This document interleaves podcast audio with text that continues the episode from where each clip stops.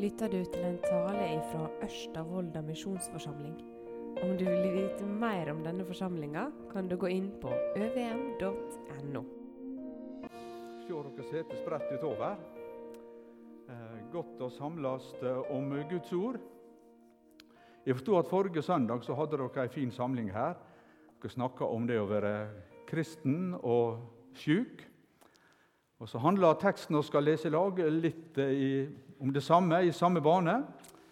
Og Når vi leser sånne tekster, så, så kjenner jeg ofte på eh, ja, hva jeg skal si da, stor fallhøgde. på en måte. Det er lett å komme med lese Guds ord og si noe om det sånn teoretisk. Og så tenker jeg samtidig at jeg ser til folk i en forsamling som bærer på sykdom, synlig eller kanskje skjult. Og så er det lett å og bli lettvekta, tenker jeg. Og Sånn kjenner jeg det i dag også når vi skal lese denne teksten. Men nå skal vi be sammen først, og så skal vi lese sammen, og så skal vi se hva som blir av det. Kjære Herre Jesus, takk at vi skal få lov til å be til deg. Takk at du kjenner oss, og du kjenner hver enkelt av oss. Du veit hvordan vi har det, og du veit hva vi trenger, og hva vi har bruk for.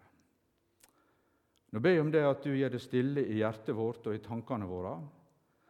Og så taler du slik inn i livet vårt at hver enkelt av oss får et møte med deg som får betydning og konsekvenser for livet vårt i hverdagen, sammen med deg og sammen med hverandre. Amen. Vi skal lese sammen fra Matteusevangeliet, fra kapittel 8 og de fire versene fra vers 14 til vers 17. Da Jesus kom inn i huset til Peter, så han at svigermor hans lå til sengs og hadde feber. Og han rørte ved handa hennes. Da forlet feberen henne, og hun sto opp og tjente han. Da det ble kveld, kom de til han med mange som var forjorda av vonde ånder. Han drev åndene ut med et ord, og han lekte alle som var sjuke. Så det skulle vært oppfylt det som er tala ved profeten Jesaja, som sier:" Han tok på seg våre plager og bar våre sykdommer. I en by som heter Kapernaum på nordsida av Genesaretsjøen der var det for 2000 år siden et hus, en heim. Den var eid av eh, Simon Peter og bror hans Andreas, sånn som vi leser i Markus 1. Det var iallfall deres hus, står det og de bodde der. Peter var gift. Han hadde ei kone. Kanskje var det også barn i dette huset. Det virka som storfamilien bodde der. For svigermor hans hun lå til sengs og hadde feber, står det. Så hvor alvorlig det var, hvordan det var sånn. Og Andreas, broren, bodde der sikkert også. Så det var et hus og en heim med ganske mye folk. Og egentlig helt dagligdags, sånn som vi leser. At noen hadde feber og lå til sengs, det er sånn som skjer også hos oss, og ikke så veldig uvanlig. Inn i denne heimen og inn i denne situasjonen så kommer Jesus. Og det utgjør alltid en forskjell der Jesus får lov til å komme inn. Han står der midt i deres sitt dagligliv det var jo sabbat, da, men likevel dagliglivet deres sånn som det var. Og kanskje jeg tenkte, kanskje Jesus også bodde der. Eh, det står noen få vers lenger bak der han sier til noen som vil følge han, at revene er hi og fuglene under himmelen er reir. Men menneskesonen har ikke det han kan holde hovedet sitt mot. Han hadde ingenting som han eide, som var hans. Men likevel leser vi at han var hjemme i Kapernaum. Det var der han bodde når han var voksen her i jordlivet. Kanskje bodde han i huset til Peter og Andreas. Kanskje. Han var der iallfall. Det er veldig stor forskjell på en heim der Jesus er innafor, og en heim der Jesus er utafor. Jesus han vil inn og være i huset ditt, i heimen din, inn til deg. Det syns jeg denne teksten taler om. Og det treffer meg og rører ved noe i mitt liv. Livssituasjonen var forskjellig. Peter var gift, hadde familie kanskje, mange rundt seg. Andre som vi leser om i Bibelen, var enslige og alene, sånn som Paulus. Og Bibelen løfta opp både den ene og den andre av disse stendene som verdifulle og viktige. Noen er stor familie, andre er liten familie. Noen er friske, noen er syke. Men uansett hvordan livet vårt er forskjellig, Jesus han vil ha rom, og han vil ha adgang inn til deg og inn til alt det som er ditt. Og hvor stort og godt det er der Jesus får komme inn. Når Jesus kommer inn i huset, som vi sang om nettopp, da blir det forandring, og han kommer med sin fred. Og Så står Jesus ved Peters svigermors seng, hun som er sjuk. Så rører han ved handa hennes, står det. Han gjorde det på så forskjellige måter, ikke ofte slik, men denne gangen gjorde han det sånn. Andre ganger også rører han ved mennesket. Han rører ved båra til den døde som han båren ut ifra Nahin leser om.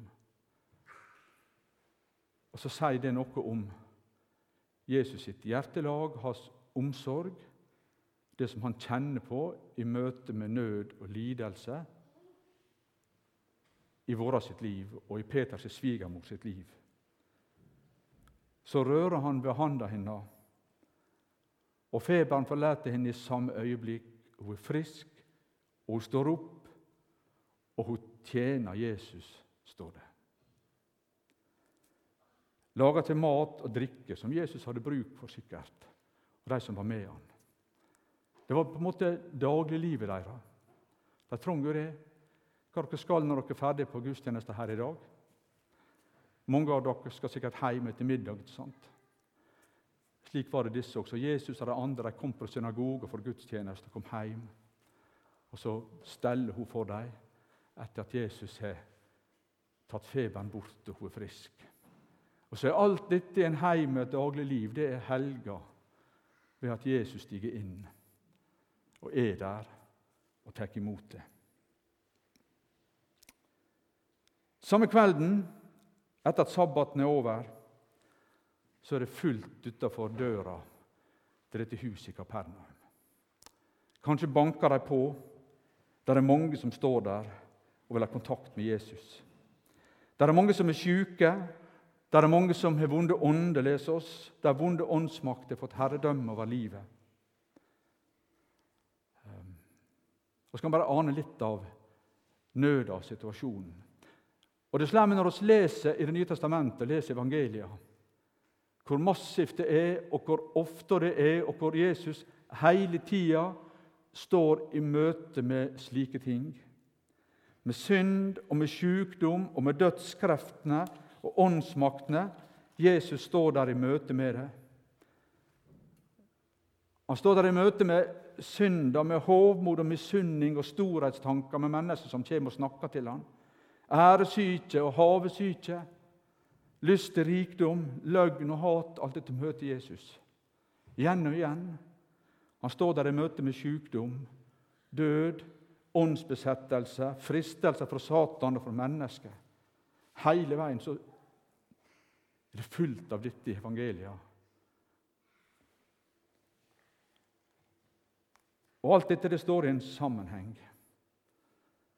Det er konsekvenser av synder som er kommet inn i verden.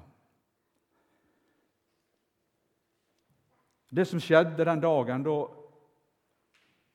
Eva og Adam tok av det treet de ikke skulle ta av Den dagen du et av det, hadde Gud sagt, da skal du dø. Så ble alt forandra da de strekte hendene ut etter den forbudne frukta. Så er på en måte alt kommet ut av balanse, sånn som det var tenkt fra Guds side. Inn i denne verden kommer Jesus. Og han står der midt i det man kan kalle for elendigheten. Gud ble menneske. Han var født som en av oss, fikk kjøtt og blod kom for å være vår bror.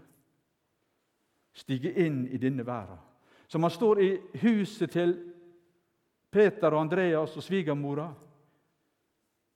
Slik står han planta midt i vår vær. For så elska Gud verda, at han gav Sønnen sin den einbårne, så hver den som tror på Han, ikke skal gå fortapt, men har evig liv. For så elska Gud verda at han gav. Jeg vet ikke om du tenker på dette uttrykket 'verda'. Hva er det for noe? tenker kanskje at det er jo alltid skapt og sånn, tenker oss og sånn, ikke sant? Men i denne sammenhengen så står det for alt det som er mot Guds vilje, alt som er ødelagt, det som er vendt an ryggen, som vil noe annet enn det Gud vil, og alle konsekvensene av det. Det som jeg og du kanskje som gode kristne forakter og snakker nedsettende om og blæser mennesker som på en måte er på disse veiene. Og så står det at for så elsker Gud verden, de som snutter ryggen. Som kanskje lever annerledes enn jeg du som prektige menneske gjør. Gud elsker verden, at han ga. Og så står Jesus der. Og Det er dette han står overfor denne kvelden når det blir banka på døra i huset i Kapernaum. De viste seg ingen råd med elendigheten, med sykdommen, og med åndskreftene som dominerte mennesker. Så står Jesus der planta midt i dette, og det står han dreiv åndene ut med et ord. Og han lekte alle som var sjuke. Alt har forandra fordi han sto der. Jesus er makt. Og De som står der og ser og vil forstå, de skjønner at han gjør det som bare Gud kan gjøre. Som bare Gud har makt til å gjøre. Det kan Jesus. Og Så står det at alle ble lekte. står Det Det er et litt sånn vanskelig ord. det. Hvorfor gjør ikke Jesus det alltid sånn, da? Og Så kan jeg prøve å si at han gjør det, men vår erfaring i livet med sykdom og bønn forteller oss at han gjør ikke alltid slik. Men her gjorde han det. Eh, men ikke alltid gjorde han det. Og det ble ikke tomt for syke verken i Kapernaum eller andre plasser. Men her gjorde han det sånn. Hvorfor greip Jesus inn og gjorde det? Jeg har to ting om det. Og Det første det, det er fordi han er god, fordi han har hjertelag og ynkast over den som har nød og har det vanskelig. Så gjorde han det. Men så er det en ting til. Og det er det Matteus som skriver dette her, har på hjertet og får sagt noe om. Han dreiv ut åndene med et ord, og han lekte alle som var syke. Og så står det så det skulle vært oppfylt. Det som er tale ved profeten Jesaja, som sier han tok på seg våre plager og bar våre sykdommer. Det, sier Matteus, er den djupeste grunnen til at han gjør det her, denne gangen i Kapernaum. Så alle ser det, og så alle husker det, og så Matteus skriver det ned så jeg du kan lese det i dag. Så det skulle bli oppfylt, det som er tala ved profeten Jesaja, som Maisa las her for noen minutter siden. Så de skulle skjønne og forstå at han som står her i Kapernaum, det er han som det er skrevet om i Det gamle testamentet. Det er han som profetene skrev om, han som står ved sjukesenga i Peters hus og blant de sjuke og forkomne i Kapernaum. Han er Messias. Han er den som har makt til å gripe inn og gjenopprette det som er ødelagt, og som etter Guds ord skal gjøre det i den enkelte sitt liv og i verden vår totalt sett. Hvordan gjør han det, da? Han som er Gud og har all makt. Hvordan gjør han det? Kunne jo bare si simsalabim, ikke sant? Knips med fingrene, og så er alt på stell. Men så er det så uventa. og så aldeles annerledes enn noen tenker. Hva var det som skulle bli oppfylt, det som er tale ved profeten, profeten Jesaja? Ja, han gjør det på denne måten. Han tok på seg våre plager og bar våre sykdommer. Sånn griper Gud inn, griper Jesus inn. Han tok smerten og lidelsen på seg. Konsekvensene av da frukta var plukka fra treet som var forbudt å ta av. Konsekvensen av synda. Den dagen du et av det, skal du dø. Alt dette tok Jesus på seg. Jesaja 53, vers 4.: Sannelig, våre sykdommer har han tatt på seg, og våre pinsler har han båret. Men vi trodde han var heimsøkt, slegen av Gud og gjort avlendig. For sin egen del trodde oss det. De så på han, han var vanvørd, står det i verset før. En mann i lidelse. De gjemte ansiktet for han og regna for ingenting. Hva er dette for Hva fyr dette her? Og Så kommer Guds ord. Ja, men sannelig, det, det er jo vårt. Det er jo våre sykdommer. Det er våre lidelser, det er vår synd, det er vår nød. Det er ikke hans, men det er vårt. Det som vi bærer med oss i livet. Og Så fortsetter han i vers 5. Men han ble såra for våre brudd, knust for våre synder. Straffa lå på han så vi skulle ha fred. Og ved hans sår har vi fått lekedom. Og Disse vers 4 og 5 i profeten Jesaja de kobler sammen. Når du setter synd og sykdom, kobler det sammen. Sykdom og lidelse og smerte og synd og skuld blir kobla sammen. Det er en sammenheng. Ikke alltid på det personlige plan. Ikke slik at den som er syk, er det fordi han har gjort spesielle synder. Det tar Bibelen et oppgjør med i Det nye testamentet, både Jesus og de andre. Men i verden vår totalt sett så er det en sammenheng. Dette hører i hop. Det er konsekvenser av syndefall og synder som er kommet inn i verden vår. Han tok på seg våre plager og bar våre sykdommer. Så peker dette rett på Golgata og på Jesu kors, som ble røyst. Det var våre sykdommer, våre pinsler, våre brudd, våre synder. Vi kjenner det i livet vårt og i hverdagen vår. Men så sier altså Bibelen at han bar det og tok det på seg. Og da skjer det noe. Da skjer det at jeg og du får fred og lækedom. Det er konsekvensen for meg og deg av Jesu kors, som er røyst i verden, der Han bærer alt vårt. Og Slik er Jesu kors plassert egentlig midt i våre sine liv, her og nå, slik som livet vårt er. I Kolosserbrevet kapittel 2, av vers 14 og 15 står disse versene. Han streik ut skuldbrevet mot oss som var skrevet med båd, det som gikk oss imot. Det tok han bort da han nagla det til krossen. Han avvæpna maktene og herredømmer og synte dem åpent fram da han viste seg som sigerherre over dem på krossen.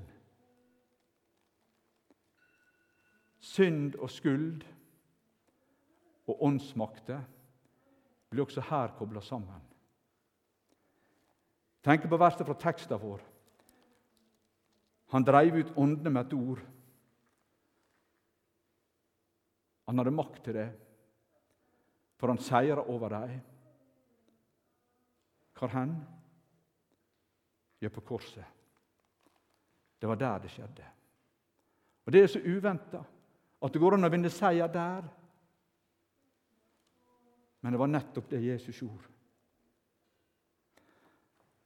Det er en som har vist til forklaringa til andre trosartikkelen hos Luther i katekismen når det gjelder dette, og det syns jeg passer så veldig godt om Jesus. Han har løst ut meg, fortapt og fordømte menneske, kjøpt meg fri og frelst meg fra alle synder, fra døden og djevelens makt. Fra alt sammen meg fortapt og fordømte menneske, skulda, det gamle mennesket, alt jeg bærer av. Frelst meg fra synda og fra døden, sykdom og lidelse, og fra djevelens makt med alle hans krefter. Han har kjøpt meg fri, sett meg og deg i frihet fra det. Fullkommen frelst og fri i Jesus, her og nå. Og det er oss alle sammen som tror på Han og setter lit til Han. Og samtidig så kjenne oss på fristelser, kjenne på et syndig hjerte, kjenne på sykdom, og at livet det faktisk går mot en ende til slutt her på jord. Midt i dette, hvor godt å ha Jesus hos seg, at han er innafor dørene i huset når det er sånn. Han som tok alt på seg. Og undera, det han gjorde i Kapernaum med svigermor til Peter, og med de som står utafor og banker på døra, det er et tegn som peker enda lenger fram. Det peker mot en ny himmel og en ny jord. Sånn er det store og hele. Og så peker det på et nytt hjerte og en ny kropp hos den enkelte av oss. Og Der skal det være sånn som det står i Åpenbæringsboka, kapittel 21, og vers 4 og 5. Han skal tørke hver tåre fra øynene deres, og døden skal ikke være mer. Og ikke sorg og ikke skrik og ikke pinse skal være mer, for de første ting har korvet bort. Og han som sa på trona, sa, Sjå, jeg gjør alle ting nye. Og han sier til meg, Skriv, for disse orda er truverdige og sanne. Da er alt dette fjerna borte for godt, også fra den enkelte sitt liv.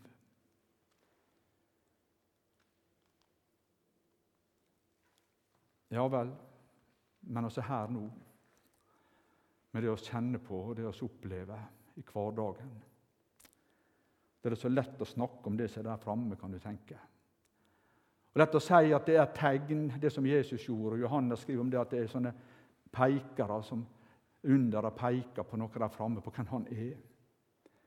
Men det er slik at Jesus og alt han gjorde, er det bare et kaldt veiskilt av stål med en jernpil som peker framover. Eh. Og så er det ikke noe her. Jesus han er en nærværende frelser. Johannes evangeliet kapittel 16, når han skal forlate dem og gå herifra. Da taler han disse ordene i vers 33. Dette har jeg talt til deg, så det skal ha fred i meg. Og så konstaterer han det. I været har det trengsler, men vær frimodige. Jeg har sigra over verden. Så går han av fred i Jesus. Her og nå. For jeg er siger over verden, sier han. Og det er korset igjen, med planta i vår vær, og som taler om alt som er gjort. Han har prøvd i alt i likhet med oss. Det ble lest fra siste teksten her. Han veit hva motgang er. Han er vel kjent med sykdom, står det i Jesaja 53. Han veit hva angst er. Og ser jeg et semane der han skjelver, og alt ligger på han. Han har kjent vekta av syndene dine. Han veit hva synd er, sjøl om han sjøl er syndfri. For han har båret dine synder og mine. Og så er det tegn som peker fram mot en ny himmel og en ny jord. Samtidig er det noe som peker rett inn i livet vårt, her og nå. sånn som han var nærværende i Peters hus i teksten vår, vil han ha rom og plass hos deg, i ditt hus, din heim, ditt hjerte, ditt liv. Det er der han ønsker å bo. Kapittel 3 vers 20 i åpenbæringsboka. Her taler Jesus Se, jeg står for døra og banker på. Og noen hører min røst og leter opp døra, da vil jeg gå inn til han og holde måltid med han, og han med meg. Så kan jeg få lov å ønske ham velkommen inn, og du kan få lov til å ønske ham velkommen inn til deg, han som vant seier i sin død på korset og i sin oppstandelse.